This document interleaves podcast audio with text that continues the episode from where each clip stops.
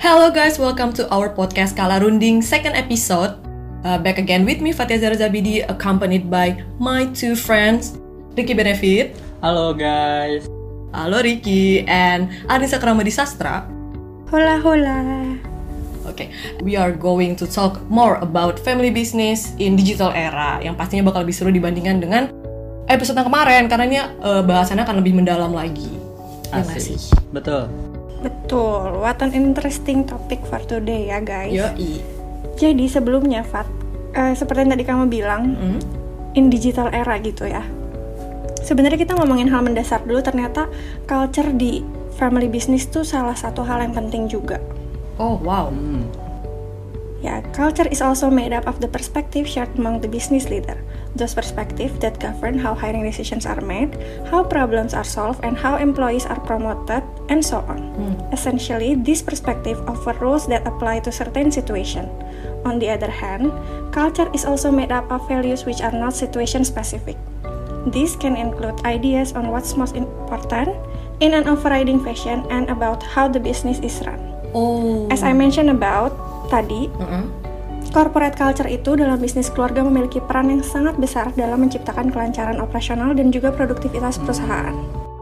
Menurut Family Firm Institute untuk The Family Business Review, diketahui ternyata hanya 25% dari keseluruhan perusahaan yang dimiliki oleh keluarga bisa bertahan pada masa transisi antar generasi pada generasi kedua, sementara cuma 14% yang mampu bertahan pada generasi ketiga dan makin uh, kecil presentasinya untuk generasi-generasi selanjutnya. Wow.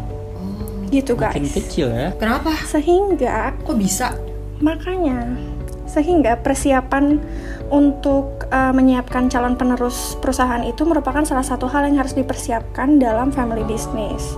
Calon penerus itu harus dipersiapkan sejak dini sehingga ia mampu untuk mendapat banyak pengalaman dari keterlibatannya dalam kegiatan di dalam perusahaan. Jadi ya biar dia terbiasa gitu kan sama udah kenal ya sama culture iya, bisnisnya ya, dan proses suksesi itu akan lengkap ketika transisi dari pemimpin kepada pemimpin berikutnya sudah dilakukan dan selesai. Sebelum itu, untuk memutuskan siapa penerusnya, tentu harus melakukan komunikasi baik di keluarga maupun juga di perusahaan itu sendiri. Gitu. Oh, iya juga ya, baru kepikiran loh aku jadi culture itu dia bisa ini ya apa namanya menentukan gimana cara kita nge-hiring orang atau menentukan orang yang kayak gimana sih yang dibutuhkan di yang sesuai sama culture kita gitu gak sih ya terus yeah. gimana cara menyelesaikan masalah itu harus se, se apa ya sependapat gitu ya iya yeah. Tuh, dan ternyata ada dua faktor penghambat suksesi kepemimpinan. Itu uh, penghambat untuk menggantikan kepemimpinan untuk generasi selanjutnya.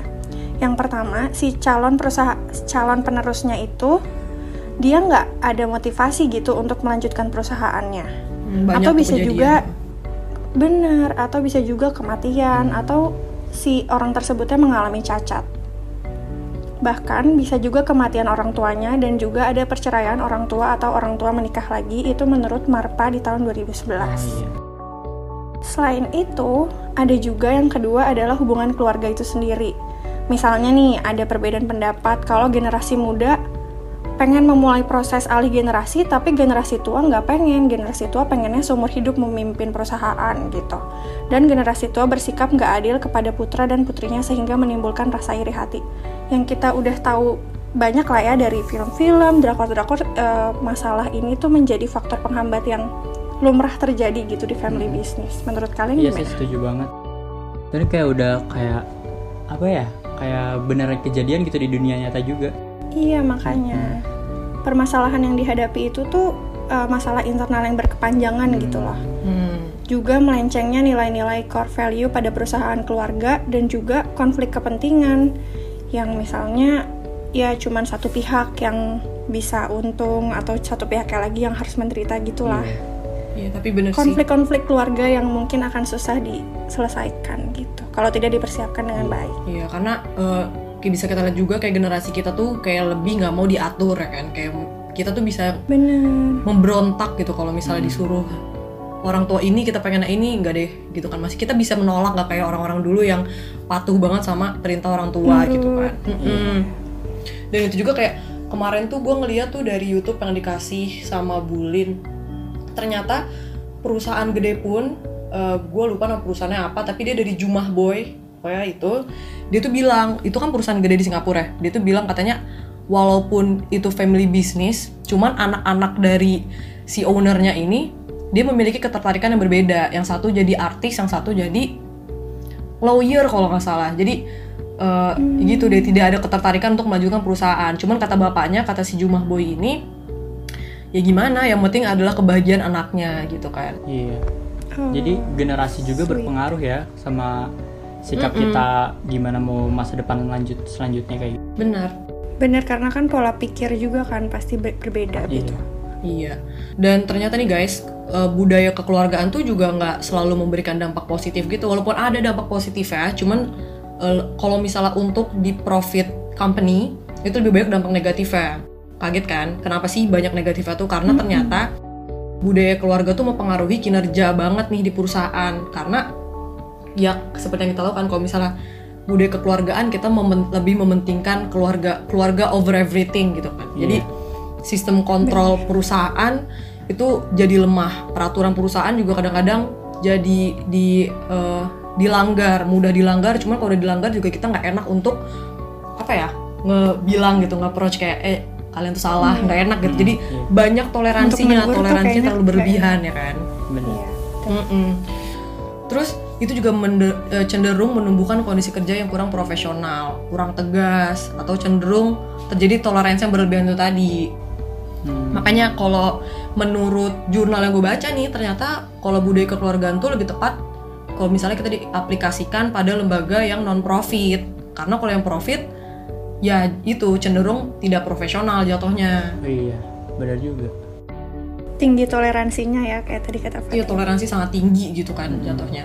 Dan kalian tahu nggak sih di Indonesia walaupun etnis Tionghoa tuh sebagai adalah minoritas, Hmm. cuman dia tuh mampu menguasai perekonomian Indonesia loh. Wah. Benar, keren benar. juga.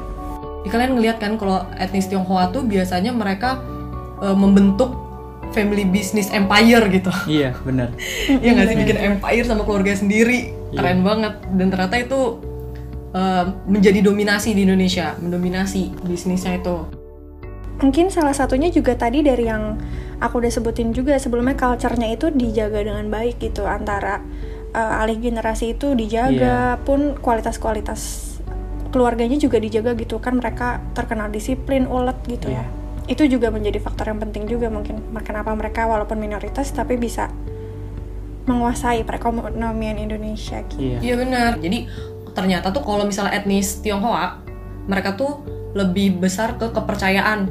Karena kan ya gimana namanya keluarga kayak kecil kemungkinan untuk saling mengkhianati segala macam gitu kan. Cuman tidak kecil juga kemungkinan orang-orang memanfaatkan situasi itu gitu. Ngerti gak sih kalian? Jadi karena karena kita udah saling percaya, jadi memanfaatkan kepercayaan kita untuk di congkel-congkel. iya benar. Nah, tadi kan Fatih udah ngejelasin ya dampak negatif dari family business. Nah, untuk menghindari dampak negatif itu, nah di sini aku mau jelasin nih ada kesalahan pada bisnis keluarga yang harus kita hindari. Mau tahu gak apa aja? Apa tuh? Nah, yang pertama itu ada lack of common vision atau kurangnya kesamaan visi atau tujuan. Nah, kalau udah beda visi, udah beda tujuan kan bakal menyebabkan agenda yang berbeda-beda, tujuan yang menuai konflik, dan kegagalan dalam pengambilan kesempatan bisnis. Jadi ini tuh salah satu hal yang dapat menyebabkan kesalahan tuh pada bisnis keluarga. Nah, yang kedua itu ada poor self and time management atau manajemen diri dan waktu yang buruk. Nah, dengan manajemen yang buruk ini menyebabkan manajemen project itu bakal lama dan akan terhambat sehingga timbul ketidakefektifan dalam bisnis. Gitu. Nah, terus yang ketiga itu ada poor next generation leadership skills development atau juga disebut pengembangan keterampilan pada generasi berikutnya itu buruk atau kurang baik. Nah, dari hal ini itu bisa menyebabkan generasi pertama itu sulit untuk meninggalkan bisnis karena merasa generasi kedua itu tidak berkompeten. Berarti tuh relate sama yang diomongin Arni di atas Iya, gak sih? bener. Kayak itu yang menyebabkan gak sampai generasi kedua tuh cuman berapa persen dari yang udah ngebangun bisnis keluarga. Iya. Jadi mereka tuh nggak menghindari hal ini, padahal hal itu harus dihindari. Nah yang keempat itu, Harus dipersiapkan ya. iya benar-benar persiapkan. Betul, yang tadi pentingnya adalah menyiapkan sejak dini Mm-mm. semua. Nah lanjut ya, yang keempat itu ada lack of clear roles with accountability atau kurangnya peran yang jelas. Nah kurangnya peran yang jelas ini itu tuh bisa nyebabin peran antar member yang satu dengan yang lainnya itu saling tumpang tindih sehingga tidak efektif, tidak Hmm. efisien kayak gitu. Terus yang kelima itu ada fear of conflict atau takut angkat konflik. Tadi juga udah sempat dijelasin kan sama Fatia kalau keluarga Iya. itu bisnis keluarga itu pengen eh, harmonis gitu, nggak mau ada konflik sehingga tidak mau terbuka. Nah, gara-gara nggak mau terbuka, jadi menyebabkan ke- ketidakmampuan mengatasi masalah karena takut akan adanya konflik. Nah, hal itu tuh dapat Hmm. menghambat pertumbuhan perusahaan. Iya benar sih. gitu. Karena kalau misalnya kita udah ada konflik di perusahaan, mau lebaranan nggak enak ya kan. Nanti Mm-mm. kita sewot-sewotan sini-sinisan bener.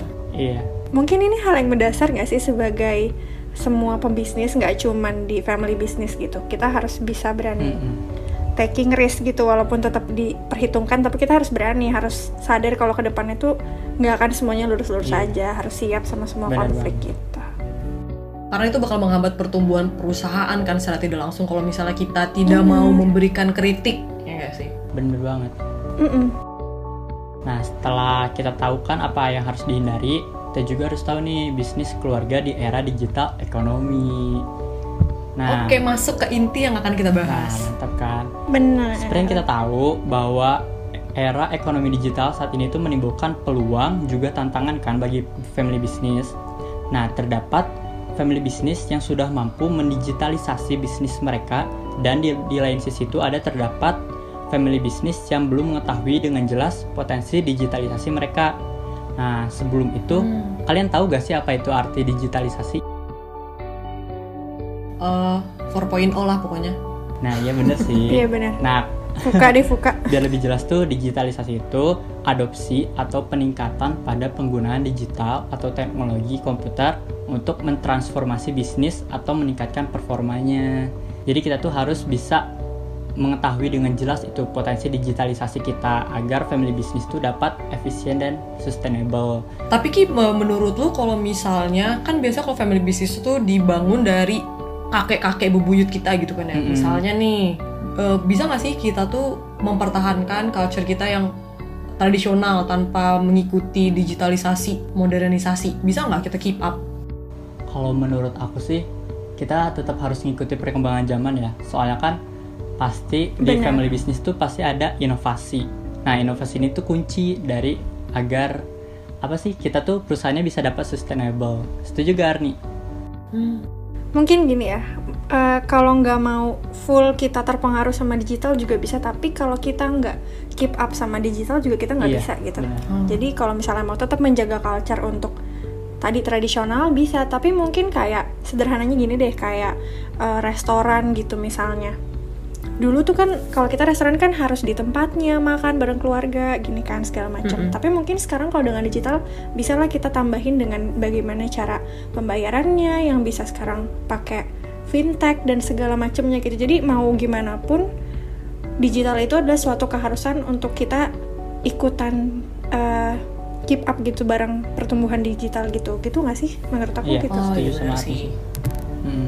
Mm, karena kan yang kita tahu juga digital tuh pasti lebih efisien lebih efektif iya, benar. Ya. gitu Berarti seiring bertambahnya pengetahuan kita tentang digital, berarti ada inovasi kan tentang apa yang kita dapat. Nah, Mm-mm. inovasi ini tuh bukan hanya Benar. sekedar commercial outcomes, tapi inovasi juga harus tertanam dalam budaya perusahaan atau dalam corporate culture-nya kayak gitu, guys. Hmm, jadi family business di digital economy era juga harus tuh merhatiin inovasinya, digitalisasinya agar bisnis kita itu dapat sustainable kayak gitu. Nah, Ricky, ternyata d- tadi digital yang udah kamu sebutin uh, family business in digital era itu juga harus memperhatikan tiga aspek nih, Oh. ada legacy, speed, sama Hmm. customer. Di mana beragam aktor dan konsep hidup itu berdampingan kan, seperti bisnis dan juga Iya. warisan. Mm-mm. Yang pertama nih, the transformation comes from the owner. Sulit mendapatkan efek dari rencana suatu organisasi tanpa tindakan tegas dari keluarga itu sendiri. Di mana keluarga itu yang punya uh, Iya. hak penuh, punya banyak uh, kepentingan gitu kan. Jadi harus ada tindakan yang jelas dari ownernya Iya. gitu. Terus yang kedua tadi udah aku bilang juga speed and customer. Di mana transformasi digital itu berarti menutup gap dengan customer dalam hal pengalaman dan efisiensi operasional. Tadi juga udah aku bilang kalau di mana digital itu pasti lebih efisien gitu kan. Dia uh, menutupi hal-hal yang sebelumnya belum customer dapat gitu. Yang kita tahu kan ada dia bisa problem solving juga, bisa membantu apa yang customer sebelumnya butuhkan dan belum terjawab dengan digital itu banyak yang terjawab Iya. kan. Nah, yang ketiga itu ada profitability and value. Transformasi digital yang baik akan meningkatkan growth, produktivitas, inovasi, rekomendasi pengguna, dan juga talent retention. Nah, yang di poin keempat tuh, rekomendasi pengguna. Seperti yang kita belajar juga kan sebelumnya kalau tentang 5A marketing itu, yang terakhir A-nya apa ya? Eh, advocate bukan sih? Nah, iya. Nah benar itu di mana kalau customer udah puas itu akhirnya dia juga merekomendasikan ke orang lain Oh, gitu. mouth to Dengan mouth digital ya. ini hal itu, Iya. nah dengan digital ini hal untuk rekomendasi pengguna ini akan lebih cepat tersebar. Kalian sadar nggak sih sosial media itu secepat apa? Oh, bi- itu Kita yang bikin viral gampang ya, baca. bikin gampang, Gampang viral. viral. makanya. That's why kenapa family business pun yang walaupun tradisional juga harus tetap keep up sama digital gitu. Iya. Benar. Tapi however, kalian tau gak sih walaupun digital ya, tapi tetap ada culture-culture yang nggak bisa dihilangkan kayak misalnya Iya. nih, Benar benar benar. kayak misalnya nih kalian tau gak sih kalau misalnya ternyata pada etnis Jawa tuh terdapat nilai namanya tuh ewuh pakai wuh, Apa? tau gak itu? Oh, Nggak tahu. Ewuh pakai wuh. apaan itu? Jadi Oh, itu tuh menjelaskan kalau di mana senior tidak mampu memberikan hukuman kepada bawahannya yang merupakan anggota keluarga. Hmm. Itu tuh yang bikin Sekental Iya. itu ya berarti Iya. culture-nya ya. Gitu guys. Jadi Wow. kita harus tetap mempertahankan culture kita sekaligus juga keep up dengan digitalisasi, modernisasi yang ada. Ah, iya. Biar ada Dan jangan lupa berinovasi ya. competitive advantage-nya tuh dapat gitu ya nggak sih? Iya. Mantap. Oke guys, terima kasih sudah mendengarkan sampai akhir. Semoga ilmu yang kita berikan itu sangat berguna sampai sini saja karena takut bosan ya kalau kelamaan. Kita bakal lanjut lagi di minggu depan. Tunggu Yeay. saja di waktu dan hari yang sama. Betul. Hari apa tuh? Selasa di jam ya tungguin aja deh. Nanti kita bakal up terus jamnya. Asik. Terima kasih yang sudah mendengarkan sampai menit ini. Mm-mm. Luar biasa kalian. Terima kasih. Semoga bermanfaat, guys. Oke, see you guys. See you. Bye bye. Stay classy, Bye-bye. stay healthy.